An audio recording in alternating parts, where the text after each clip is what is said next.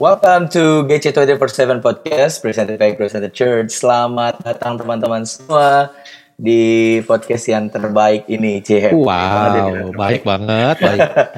dan optimis banget ya. Betul banget. By the way, hari ini balik lagi bersama Daniel dan teman-temannya Daniel ini ada Adit dan Visela. Coba bersuara dong teman-teman. Hai, salam Visela. Enggak ya, kalau mungkin salah suaranya kayak gini ya. Anyway, di podcast malam hari ini kita kembali cicet-cicet gitu, ngobrol-ngobrol dan hmm. berdua apa yang kita obrolin malam ini tuh menginspirasi semua orang ya. Dan paling tidak menolong mereka. Min. Dan melihat uh, dinamika-dinamika DM DM Instagram gue, cie. Wow. Bapak selebgram apa gimana, Pak? Iya, belum centang biru aja belum. belum centang biru ya. iya. Uh, gak tau ya, gue ngerasa bahwa ada satu topik yang selalu uh, menjadi salah satu bahasan di anak-anak muda. Hmm. Dan beberapa orang yang kasih masukan ke gue, yang DM gue ngasih tau gue juga, yang paling relate sama salah satu tema yang paling relate dalam kehidupan mereka saat ini adalah yang sering kita dengar namanya itu toxic relationship. Wow, hello. Jadi malam hari ini kita bakal ngobrol-ngobrol tentang toxic relationship. Wow. Ini okay, okay. ini ya maksud gue waktu waktu dengar uh, tema ini kita akan angkat Uh, uh, hatiku bergetar guys. Kenapa, tuh di? karena karena apa ya? Mungkin saya tidak seumuran kalian yang muda-muda yang mendengarkan ini ya. Cuman um, artinya artinya kayaknya itu tuh selalu selalu ada apa kayak generasi dan generasi. Wah kayak teh botol sosro nggak boleh nyebut merek oh, merek sih? Kan dari generasi ke generasi. Oh iya benar. Sih teh botol sosro udah oh, iya betul. Apa pun minumannya ya waktu iya. itu ya. Iya artinya maksudnya kayak kayaknya memang apa um, somehow itu tuh selalu hal yang hal yang bahkan mungkin nggak um, mengenal umur. Gue cukup yakin kayak yang uh, orang apa uh, orang-orang yang lebih tua dari kita pun mungkin pernah mengalami um, toxic relationship juga pada masanya gitu ya nggak sih? Iya. Gitu. Tapi mungkin nah. bahasanya nah, beda ya. Kalau sekarang kan keren nih toxic. Kalau iya. dulu bahasanya Kalo racun. Makanya ada lagunya kan madu dan racun. Waduh, kamu ah. agak old school ya. Oke. Okay. Ya, mungkin ada dulu lagunya yang itu cuy yang racun. Gak gitu. Enggak gitu nih. Bukan, gitu. bukan ya. Udah, udah, udah, udah. Oke okay, guys, jadi uh, mungkin mungkin mungkin gue akan apa ya sedikit uh, sedikit bercerita gitu. Uh, kenapa gue merasa merasa uh, apa ya? Mungkin bukan relate tapi um, langsung apa pikiran gue langsung um, terbang kepada masa itu gitu ya. Um, karena memang karena memang di satu sisi gue merasa banyak hal yang terjadi sampai ke titik sekarang itu salah satu poin penting yang terjadi dalam hidup gue adalah pada masa-masa itu, c pada masa-masa itu. Um, singkatnya adalah um, apa? Um, gue juga nggak bilang dari awal toksik ya gitu. Um, gue nggak bilang um, gue di sini hanya korban atau sama sekali enggak. Gue cukup yakin um, sebagai sebagai pasangan hubungan itu pasti dua arah ya sih? Gitu. Jadi kayak nah, kalau kalau itu terjadi bukan karena um, sama sekali nggak ada kesalahan gue di sana bahkan gue pun bisa bilang banyak banget kesalahan gue sampai ngarahnya ke sana gitu. Jadi um, somehow itu tuh um, kalau gue inget-inget ya um, yang paling berasa sampai sekarang adalah um, gue tuh um, takut banget ngambil keputusan. Gue hmm. tuh kadang kayak um, misalkan ditanya di mana gue nggak jawab dengan jujur gue lagi jalan-jalan uh, hanya untuk diri sendiri gitu ya. Itu somehow masih uh, apa keinget keinget masa itu tuh kayak ya ampun Adit. Segitu. Mungkin mungkin ad, ag agak beda tipis ya. Uh, bucin sama bucin sama toksik ya gak sih? Gitu. Ya. jadi mungkin um, apa awalnya adalah bucin ternyata uh, tanpa sadar kita melangkah ke satu dunia baru namanya toxic relationship. Gitu. Itu tuh yang paling gue inget dan mm, sampai ke titik gue masih merasa sampai ke sekarang adalah um, kuota drama dalam hidup gue tuh udah habis gitu jadi um, hidup gue lempeng sekarang kayak uh-huh. kalau misalkan ada apa-apa tuh kayak memang semuanya sudah selesai di sana gitu jadi uh, itu yang paling gue inget sih gitu kalau apa um, pengalaman gue pribadi gitu. Kalau lu ada nggak, Fis?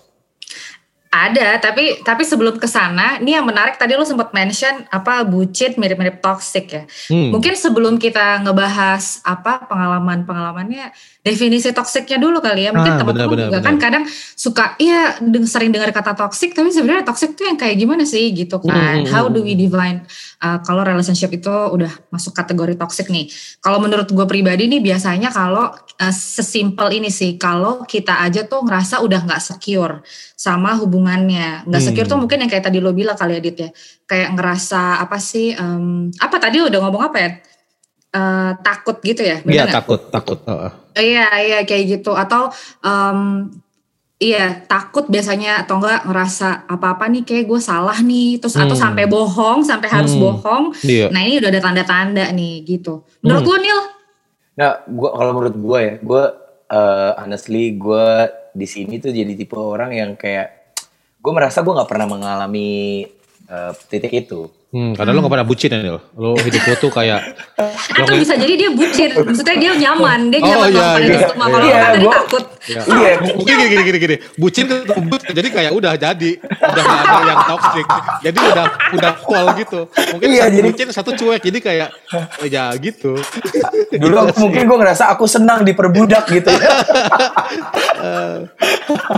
iya, jadi gua ngerasa kayak dulu ya gua ngerasa kayak gua nggak pernah ada di poin itu.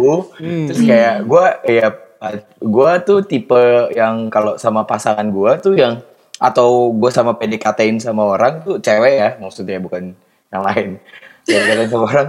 Eh gue tuh tipe yang kayak ya udah kalau lu mau ngapain ya udah terserah. Karena gue expect dia juga kan kayak gitu ke gue jadi kayak Hmm. yang eh, kalau tadi dengan bahasanya Visela kan eh, jadi takut eh tadi Adit bilang takut terus kayak akhirnya kita jadi kayak eh, dikontrol gitu sama orang itu gue sih nggak pernah nggak pernah ada di poin itu tapi makanya timbul banyak pertanyaan buat gue adalah eh, di titik apa akhirnya lo ngerasa ma- masuk di poin bahwa lu ada wah kayaknya ini udah toxic nih buat gue Hmm, gue mirip-mirip sama Adit sih tadi. Jadi kayak rasa takut ya. Kalau yang gue inget banget tuh dulu kayak eh, misalkan gue belum bales eh, zaman SMS ya.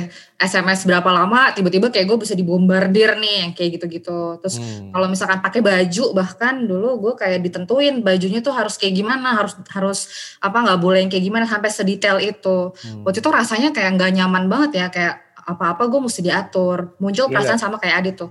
lu tuh Apa, mesti pakai baju sampai atas gitu kayak ospek apa gimana bis termasuk Enggak, make up, tapi- termasuk make up itu nggak Fis? Jadi kayak lo memang sebenarnya jadi model sebenarnya lo. Jadi Lo bukan sebenarnya- diperbudak lo. iya ya, gue yang salah ya. Gue Iya. sebenarnya gue ospek ya. Kayak, lagi kayak gini aja lo merasa toxic gak Fis? Enggak ya? Ah, jadi bercanda. Balik-balik. Iya, iya, apa nih? Ntar gue lupa nih. Enggak lu tadi kan lu eh, pakai baju diatur kayak gitu terus akhirnya Itu yang paling gue inget sih, hal-hal simpel kayak gitu. Jadi ya serba salah aja, takut bawaannya nggak nyaman. Terus mungkin juga temen, ini bukan di gue sih, kalau ini temen gue cerita nih salah satu toxic yang lain, eh, ini eh, abusive eh, by verbal tapi, abusive yang verbal. Ah, ah, Jadi kayak misalnya dibilang, ah kamu gitu aja nggak bisa sih, ah kamu gini, itu tuh nggak bisa kayak gitu gitu. Mungkin nggak sekasar yang sampai harus eh, ngomong kasar, tapi udah membuat eh, temen gue tuh jadi kayak eh, nggak berani ngapa-ngapain karena pasangannya selalu mengira dia tuh nggak bisa gitu atau Hmm, hmm. wow, wow. ya tapi gitu sih. Itu itu menarik ya Eh, gue nggak tahu gue gue kan gue udah nikah dibanding dua teman gue ini belum nikah ya. Hmm, hmm, Terima kasih udah dipertegas ya. hmm, hmm. Eh, Eh, sinyal hilang tadi maksudnya apa tadi? lanjut, lanjut, lanjut.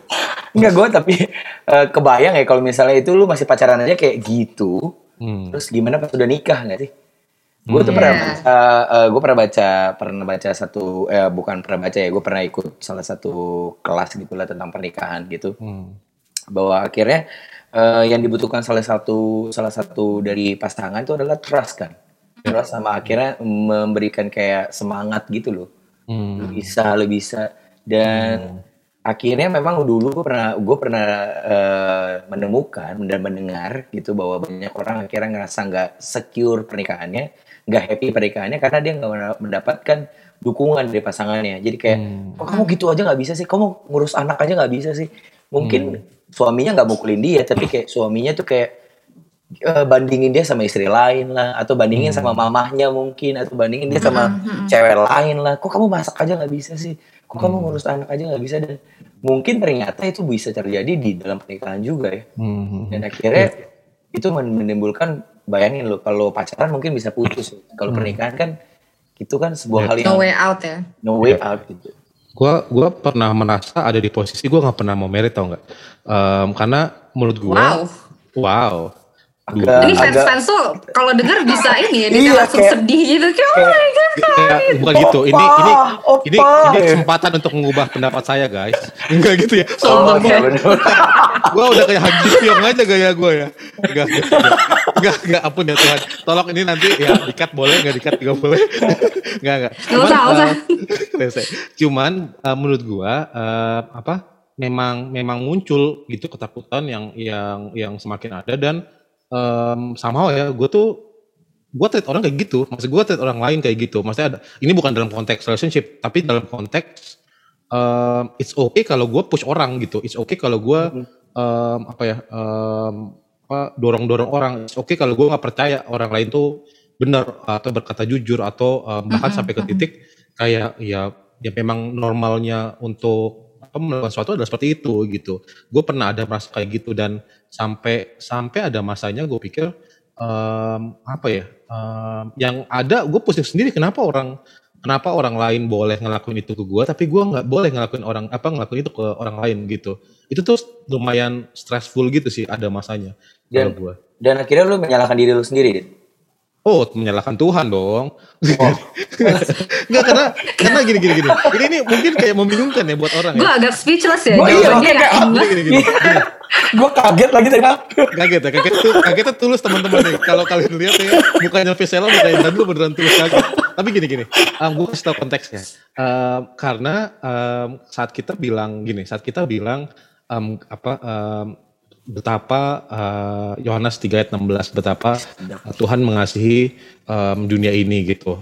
Um, nggak nggak ada gitu, nggak kerasa apa tuh gitu.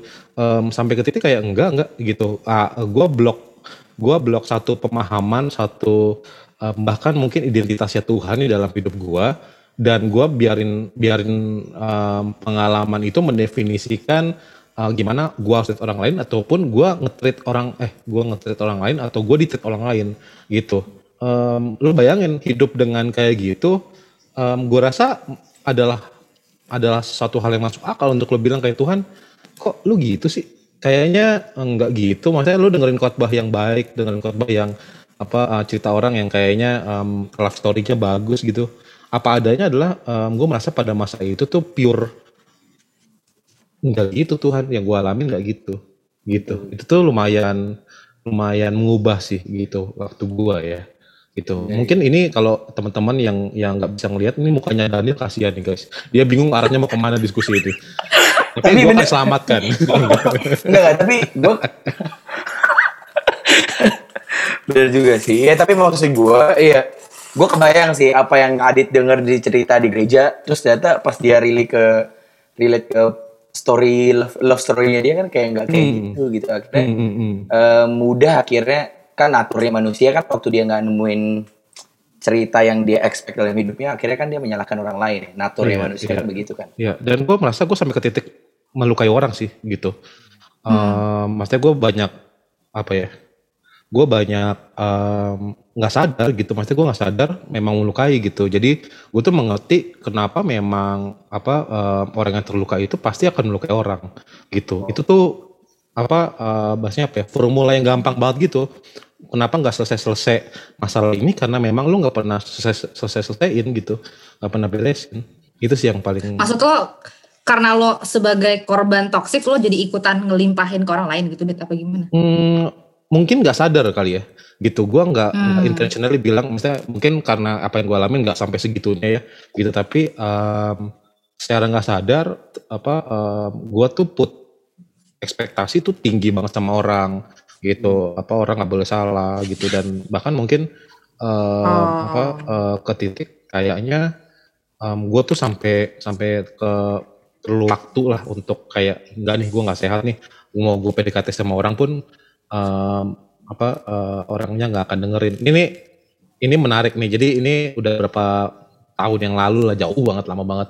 Jadi waktu itu abis gua putus gue PDKT kan guys gitu. Salah satu dulu ada anak apa ada anak kampus gitu anak gue PDKT um, memang dia uh, lumayan rajin beribadah lah pada waktu itu. Terus habis PDKT um, dia ini um, apa memang memang mungkin apa um, lumayan lumayan dekat sama Tuhan juga ya. Jadi suatu saat kita lagi telepon-teleponan malam-malam terus dia bilang gini, Dit, kayaknya lo ada yang perlu diselesain di sama mantan lo. Duar. Wow. terus gue bilang, e, ini lagi PDKT guys baru kayak sebulanan gitu terus tiba-tiba dia bilang kayak gitu um, hmm. itu tuh menarik banget sih pasti kayak um, somehow ternyata momen-momen yang kayak gitu yang memang out of our control yang puji Tuhan ya sih? Gitu ada yang ngingetin gitu. Tapi sejak saat itu saya tidak mau PDKT lagi sama dia. Takut gitu tapi Tuhan ngomong yang lain. Takut kebongkar dosa lo yang lain ya? Itu Adit belum beres aku Adit belum kamu jangan ngomong sama dia nak gitu. Kan jadi kayak sesi ah, ya. altar call ya ini kayak iya, sesi kayak, Nanti datang ke dia yang ada pengampunan dosa terus kan. Gue jadi kayak oh iya tertuduh gue. Tapi itu eh, ta um, karena tapi, Tuhan tapi kan gue gitu, karena Tuhan ngomong kayak gitu, jadi tertekan gue. Iya, iya. Hmm. Tapi kan kalau kalau Adit kan dari sisi yang pernah ngalamin jadi mungkin seperti jadi korban. Kalau hmm. istilah lu pernah jadi korban juga atau pernah jadi pelakunya juga, Fis? Makasih ya udah ditanyain. Enggak kan bertanya. Gue ada tendensi ya, gue ada tendensi ya. Nggak tapi benar. Tadi kan tadi kan uh, gue juga udah sempat sounding. Uh, eh, gue juga maksudnya ya gue juga tanpa sadar mungkin gue pernah uh, jadi toxic ya karena gara-gara nyiapin topik ini kan gue baca-baca nih uh, apa sih gue riset-riset ala kadarnya lah ya. Tuh pas gue baca-baca terus gue jadi refleksi diri gitu. Oh kayaknya dulu gue tuh emang sempat jadi toxic juga ya. Karena nih dulu tuh gue pernah ngelakuin nih misalkan kayak uh, controlling behavior. Um, salah satu karakter gue kan memang agak-agak sedikit lebih dominan ya mungkin yang hmm. kenal kan. Nah tapi waktu itu tuh dulu mungkin gue dominannya agak nggak terkontrol dan sampai merugikan orang lain sih kalau hmm. gue coba reflect back gitu. Contoh misalkan uh, eh, gue tuh suka apa harus uh, kalau ke mana lo cerita ya ke gue, gue harus tahu lo ke mana aja sama siapa hmm. aja hmm, detail hmm. kayak gitu kan cewek-cewek biasanya gitu ya. Eh enggak deh enggak semua cewek. Sampai akhirnya minta fotoin ya gitu, minta fotoin. Yeah. siapa gitu. Uh, enggak sih, tapi ya orangnya akhirnya motoin gitu. Mungkin karena karena takut ya jangan gue pacaran sama lu ya dia dulu.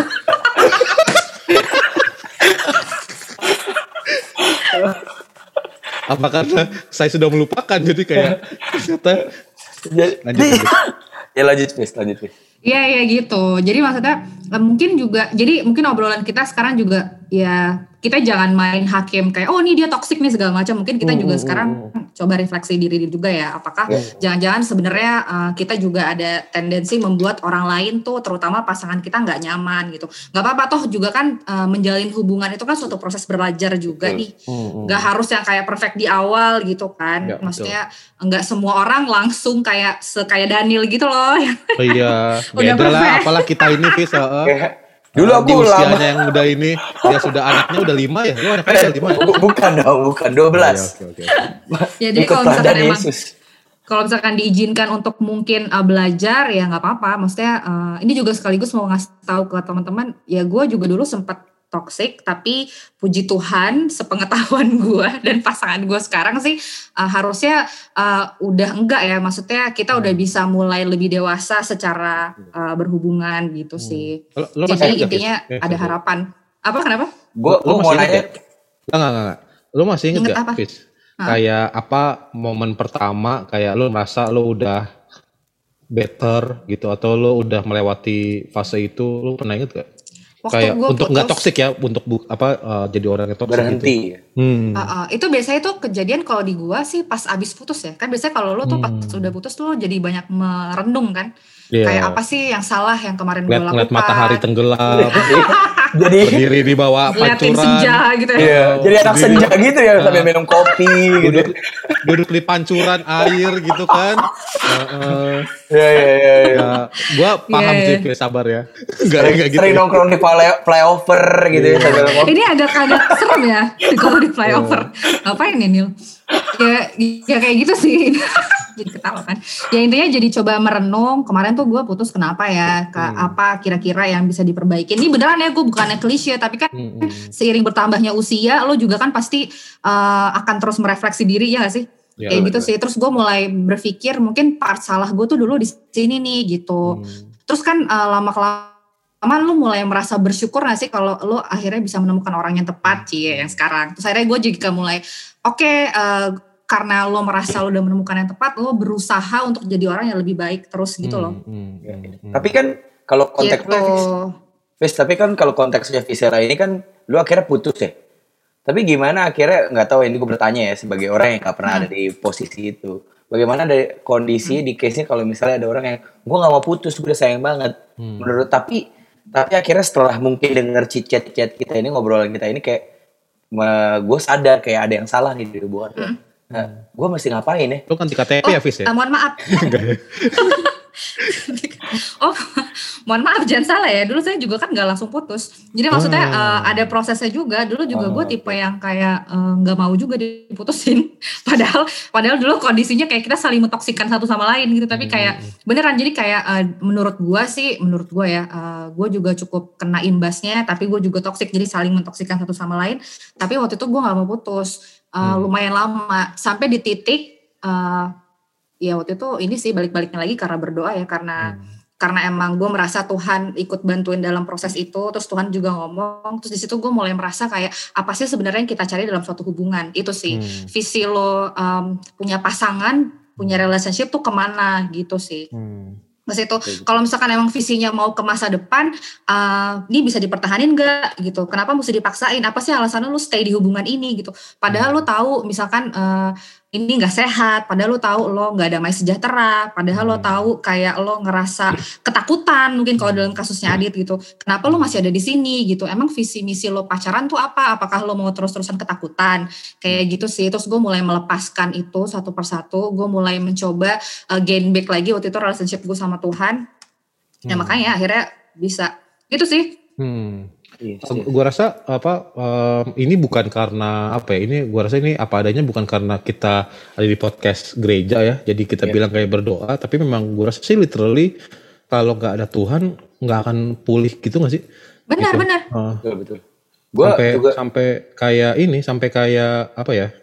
Um, betul dulu sadar apa memang waktunya berubah adalah gitu karena yang pertama tadi yang pertama sejak ada ada tiba-tiba gue lagi PDKT orang terus um, dia ngomong Tuhan uh, ngomong suruh apa suruh ngomong sama mantan udit waduh itu yang pertama. Tapi yang kedua gue rasa um, ada momen-momennya juga kita sadar kita tuh kayak nyakitin orang terus gitu. Dengan sensitivitas kita dengan apa dikit-dikit marah dikit-dikit ngambek gitu. Dikit-dikit protes gitu. Gue rasa dengan dengan maksudnya dengan saat kita ngerti kenapa ya gue jadi kayak gini ya um, apa terus di di pertemukan mungkin ya kalau ini apa adanya gue adalah gue ketemu sama teman-teman yang pacarannya bagus gitu nikah nikahnya Daniel. seru kayak okay. Daniel gitu kan Daniel kan um, dari Tuhan kan lu lu bener-bener hilang kan ini lu?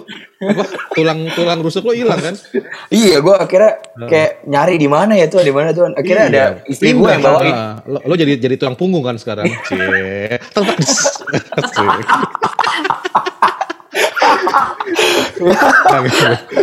Ya, itu ya. bercandaan anak-anak yang udah siap nikah ya kayak kalau di bawah kita kayak nggak kena gitu. sebenarnya Oke, balik ke bucin, balik ke bucin yang berlebihan. uh, uh, tapi ya itu, gue merasa pada saat kayak apa, ternyata omongan gue nyakitin. Uh, pikiran gue tuh nggak um, pernah tulus, selalu buruk gitu. Um, apa ya? Gue merasa kayak uh, memang gitu, memang Tuhan pelan-pelan ngasih lihat mana yang mana yang nggak baik gitu dan kasih perbandingan mana yang baik gitu. Gue rasa itu tuh ngebantu banget sih untuk untuk ke proses gue pribadi untuk kayak benar-benar ngerti. Dan memang hmm, apa ya momen-momen momen-momen um, kita mulai sadar kita ada di toxic relationship itu kan nggak pada saat kita jalani ya gitu. Namanya budak cinta kan um, apa uh, itu hal yang normal untuk akhirnya jadi fokusnya ke sana sana aja gitu. Nah Nil gue mau nanya nih sama lo lo kan tidak ada tidak pernah ada di posisi toxic relationship. Tapi um, apa ya? Lu sering sering ini gak sih kayak nggak um, trust sama istri lu gitu atau atau atau apa komunikasi lo nggak lancar gitu Ini serem gak sih kalau tiba-tiba Bes kedenger?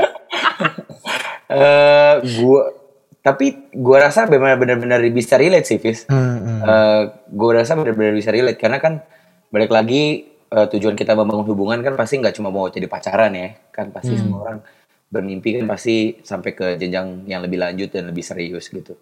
Dan kalau ditanya di dalam pernikahan pernah nggak sih gua nggak trust? Eh, gua sih nggak pernah ya, tapi tapi karena dulu gua pas pacaran pernah kayak bohongin eh, istri gua. Oh my god Daniel ternyata Daniel nggak sebaik itu ya guys dulu dulu guys dulu dulu dulu dulu Dulu. gitu kan karena karena dulu gue pernah bohongin istri gue Hmm. itu tuh ke bawah sampai di awal-awal pernikahan Hmm. gitu jadi kayak eh, dia tuh jadi kayak yang kalau nanya tuh detail banget gitu, gitu. Hmm. Hmm. tapi akhirnya Iya. eh, akhirnya gue gua balik lagi gue ngomongin bahwa iya ini salah dan gue komunikasi dan akhirnya gue selalu gue selalu jujur aja sama dia dan terbuka dan Hmm. Dan akhirnya sampai akhirnya gue mengkomunikasikan apa yang gue merasa juga gue kayak eh, dia udah nggak percaya nih sama gue ini gue komunikasikan perasaan gue itu ke istri gue dan akhirnya istri gue juga bisa ngerti dan akhirnya kita bisa oh lebih better komunikasinya. Dan akhirnya sekarang bisa gue bisa pergi pelayanan ke mana-mana. Eh, you know lah gue pergi punya kesempatan pelayanan ke, pergi ke beberapa tempat. Sampai ke bangsa-bangsa ya ke ujung dunia. ya amin amin. Ah, tapi pernah kalau lo saya- kalau eh kalau lo pengangkatan lo ajak gue ini lah pegang tangan gue ya So, kalau enggak nanti ada or- ada orang dalam Oh iya ada orang dalam ya. Lo tolong bantuin gue. Gue lagi ngantri di depan ini loh. Di apa yang sempit. Gue lagi Selu, sempit kayak- nih. Tolong jemput gue dong. siap gitu Eh, balik lagi, balik lagi. Tapi dia benar, Iya. that's the good news, Padahal- that's the good news. Itu tuh Iya, bisa gitu. banget dibenerin.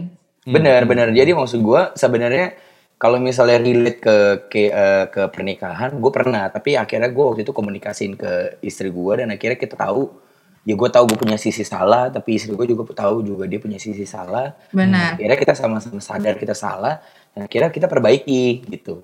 Ya, Eh, that's the first point sih sebenarnya actually kayak awareness kalau sama-sama sadar, oke eh, Iya. kita nggak bener nih, there is something wrong gitu kan. Betul betul. Nah tapi kan gak cuma dari sisi yang si nuntut-nuntutnya doang nih, tapi mungkin juga gua yang mungkin juga pernah ngelakuin, ke- gua juga ngelakuin kesalahan. Jadi kayak Hmm. bukan cuma pacar lo yang eh, misalnya kalau lo ngerasa pacar lo udah abuse lo atau nuntut lo terus untuk berusaha kontrol lo, terus terus lo salahin semuanya ke dia. Mungkin semata-mata mungkin ada part dia salah, tapi juga mungkin ada part kita juga yang salah kali nggak sih? Hmm, hmm, gitu hmm. makanya akhirnya gue rasa dua-duanya perlu sadar perlu sadar untuk uh, punya sisi yang salah dan akhirnya kita mau bertumbuh sama-sama.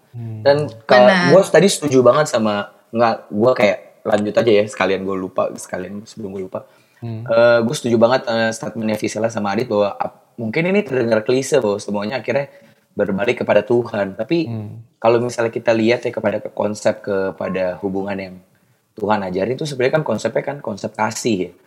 Bahkan Tuhan bilang ajarin bahwa bagaimana kita bisa agape ke satu yang lain-lain. Kasih yang benar-benar ya memberi gitu, kasih agape.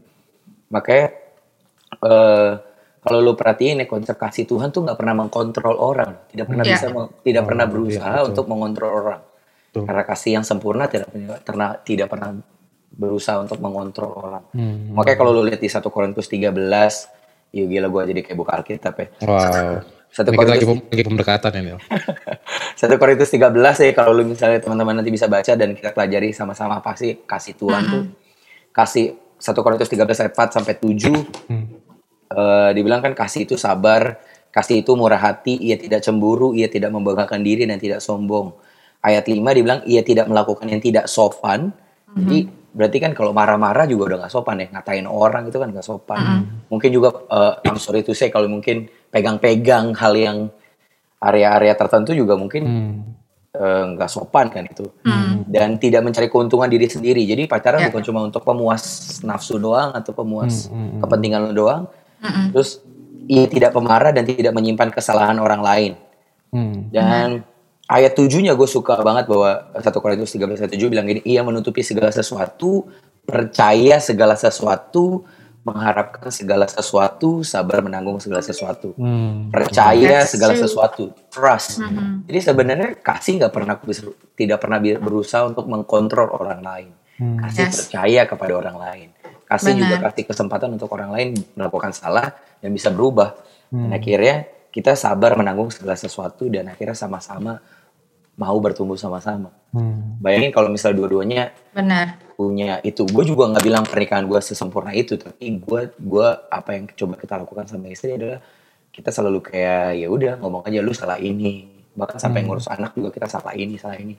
dan nggak hmm. malu untuk ya egoisnya suami kan kadang-kadang malu untuk minta maaf ya, tapi gue belajar banget untuk mau minta maaf duluan, hmm. gitu sih. Ya ya, tapi thank you banget nih lo mengingatkan gue emang uh, saat itu yang akhirnya membuat gue bisa keluar gitu dari situasi yang toxic waktu itu adalah ayat ini memang bener. Satu Korintus 13 ini tentang kasih ini sih. Terus waktu itu juga gue diingatkan bahwa um, memang uh, kalau kita cuma bergantung sama manusia tuh nggak bisa. Kan kadang yang bikin kita toxic tuh kan karena lack of trust gitu-gitu kan trust ke manusia itu memang menurut gue uh, itu rada sulit ya gimana pun juga kan ya manusia. Justru kita harus put our trust tuh ke Tuhan gitu sih uh, yang waktu itu akhirnya membuat gue buat merasa secure. Gue percaya ketika I put my trust uh, ke Tuhan Tuhan tuh yang jagain gitu loh. Maksudnya uh, apalagi uh, bersyukur banget kalau pasangan lo juga melakukan hal yang sama kayak put his trust to God juga. Jadi kayak kita sama-sama jalannya karena mengandalkan Tuhan sih. Jadi nggak ada lagi tuh yang namanya lack of trust karena trustnya udah diput ke source yang paling benar. Hmm. Dan akhirnya lu gitu. ngerasa uh, puas ya sama diri sendiri karena lu udah dapet dari Tuhan. Hmm. Ya. ya, ya, uh, ya. Kalau kalau apa ya? Kalau gue somehow mungkin dari apa ya? Gue dengar Daniel, gue dengar Vicella. Um, gue tuh merasa ya, maksudnya um, at certain point memang kita nggak akan nggak akan mau, maksudnya kayak nggak akan mau untuk berpindah dari toxic relationship ataupun kita mungkin nggak agree sama toxic relationship. Padang um, karena karena itu adalah hal yang harus kita lakukan. Misalnya sebagai pasangan kita harus support atau kita harus apa build trust, communicate dengan baik gitu, terus sampai ke kalau tidak baik kita tidak boleh menyerah gitu-gitu. Nah uh, mungkin gue keinget um, apa ya momen-momen untuk gimana caranya bisa akhirnya um, bangkit lagi gitu ya. Akhirnya kayak sampai ke sampai ke titik sekarang mungkin at least lebih pede gitu ya untuk untuk nggak takutan lagi. Um, gue keinget memang pertama tadi bener banget gitu. Um, semua firman Tuhan tuh udah clear banget gitu dan itu kalau dengerin tadi semuanya Daniel dan bahkan Visala juga bilang satu Korintus 13 pun memang kadang kita perlu banyak baca sih yang pertama banyak baca firman Tuhan um, hidupin bahkan gitu ya nggak gampang pasti susah banget prosesnya gitu um, gue rasa paling penting ya itu tuh minta tolong reach out gitu ke orang gitu. hmm. gitu jangan merasa pernah jangan pernah merasa sendiri gak sih gitu gue pernah ada di masa ada di masa-masanya um, lagi di toxic relationship dan gue merasa itu adalah tanggung jawab gue untuk menyelesaikan semua hal gitu hmm. as a man gitu gue harus bisa memperbaiki apa um, hubungan gua dengan pasangan gua. Gua harus gua merasa tanggung jawab gua untuk um, apa nggak um, gampang menyerah nggak boleh cengeng nggak boleh nangis gitu-gitu. Um, somehow itu adalah um, apa ya um, pikiran gue waktu itu. Gitu hmm. gue nggak berani asli gue nggak berani. Terus sampai ke titik kayak gue tuh udah capek banget dan gue reach out gitu. Gue minta tolong sama kakak rohani gue gue bilang gue nggak bisa kayak gini nih. Um, apa um, apa semuanya semuanya nggak bisa dilewatin lagi gitu. Karena um, gue pikir dulu mungkin karena uh, apa ya I take the relationship um, serius juga gitu. Um, gue cukup yakin prinsip pertama semua itu bisa diomongin dan um, sampai pada saat masa-masa itu lah gue pikir ya memang harusnya hubungan kayak gini gitu. Ada diskusi timpal balik gitu. Ada solusi yang perlu dicari ada cara yang perlu diraih dan ada komitmen yang perlu jalanin gitu. Nah sampai gue saat gue reach out uh, dia bilang kamu berapa lama pacaran ya? Baru segini. Hah? Baru segini? Pacaran udah kayak apa apa masalahnya udah kayak orang lima apa 10 tahun merit aja gitu. Terus gue bilang hah? Oh gitu ya ini nih nggak normal ya itu tuh itu benar-benar gue rasain kayak oh ini nggak normal ya um, ini bukan bukan kayak gini ya jadi laki gitu ya. Maksudnya bukan bukan um, gue inget karena itu kalau gue nggak reach out gue tuh nggak tahu. Gue rasa um, salah satu yang mempercepat gitu ya, mempercepat untuk untuk at least di gue pribadi itu um, jadi lebih um, baik gitu salah satunya reach out gitu um, memang perlu gitu lo nggak bisa nggak bisa ada ada beberapa hal yang memang perlu dijalani sendiri dan diberesin sendiri di relationship tapi ada yang enggak gitu. Yang mungkin tadi di, di uh, sama Daniel dan kita udah mention juga adalah saat lo tak apa takut saat lo harus uh, apa uh, dikontrol banget saat lo nggak ada ruang untuk bernafas saat lo nggak ngasih space um, untuk apa um, support di sana gitu untuk memperkatakan hal yang baik gitu. Jadi um, itu salah satu yang apa ya mungkin key learning gue banget sih gitu ya benar Benar sih, kan biasanya orang-orang tuh yang uh, ngalamin yang kayak dari tadi kita bahas kelemahannya adalah nggak berani buat speak up ya hmm. ya, benar ya. Hmm. Hmm. Ya mungkin ada masanya ya speak up gitu. Lo yang hmm. tahu kalau misalkan ini tuh udah di luar batas atau ada sesuatu yang nggak benar atau lo udah nggak nyaman, jangan dibiarkan berlarut-larut gitu. Kalau ngerasa nggak bisa nyelesain sendiri, ya open. Banyak kok konselor yang bisa bantu atau mungkin kakak rohani nih atau pendeta atau orang tua atau teman at least yang bisa kasih pandangan netral nggak bias gitu hmm. terus benar juga yang tadi Daniel bilang uh, once kita udah ke jenjang selanjutnya itu udah no way out jadi hmm. berhati-hatilah pada saat masih pacaran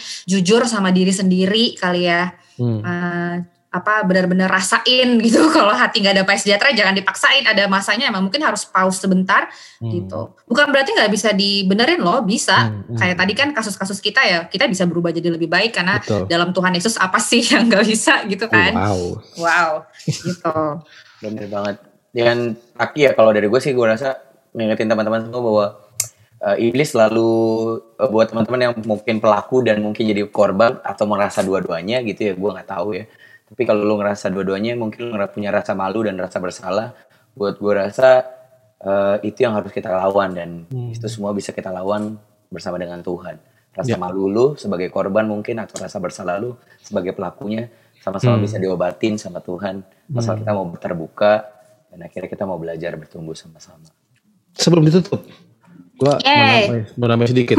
Um, gue tuh nggak pernah menyesal ada di hubungan toxic relationship apa adanya. Hmm. gitu mas. Gue uh, iya gue juga sih bener. iya gitu. Apa ya, adanya juga adalah bener ya. gue gak pernah. Iya bagus di ini um, tapi gue merasa gue merasa um, apa Adit sekarang adalah hasil yang baik daripada yang masa-masa lalu termasuk saat toxic relationship gitu. Dan saat Benar. Saat, uh, saat sampai ke titik sekarang I am grateful gitu um, apa um, Adit jadi lebih baik sedikit lah ya gitu Adit jadi lebih pengertian Adit jadi lebih um, apa um, considerate sama orang lain gitu. Gue rasa itu Benar. salah satu salah satu hal yang kalaupun kita lagi ada ataupun kita takut soal relationship, please jangan gitu, jangan takut gitu. Um, ya tadi memang jalanin hubungannya memang harus bener gitu. Jalan hubungannya memang harus ini, tapi percaya deh Tuhan pasti bawa ke sesuatu yang baik. Benar. Jadi Jangan Adit buat berani nikah sekarang. Adit berani nikah teman-teman. Itu statementnya. Thank you banget sudah mendengarkan kita semua Yeay. bertiga teman-teman semua. Kita berdoa dan berharap ini menginspirasi teman-teman semua Amen. dan memberikan harapan untuk kita mau bertumbuh sama-sama. Inti obrolannya Adit berani nikah ya. Gak gitu, oh, iya. gak gitu. Nanti thumbnailnya tulisannya adalah Adit berani nikah. Kawal Adit nikah 2022 gitu ya. Alright. Thank you guys. Thank you guys. Daniel Thank pamit, you. Adit pamit, Visla pamit. Bye. Yay, God bless you.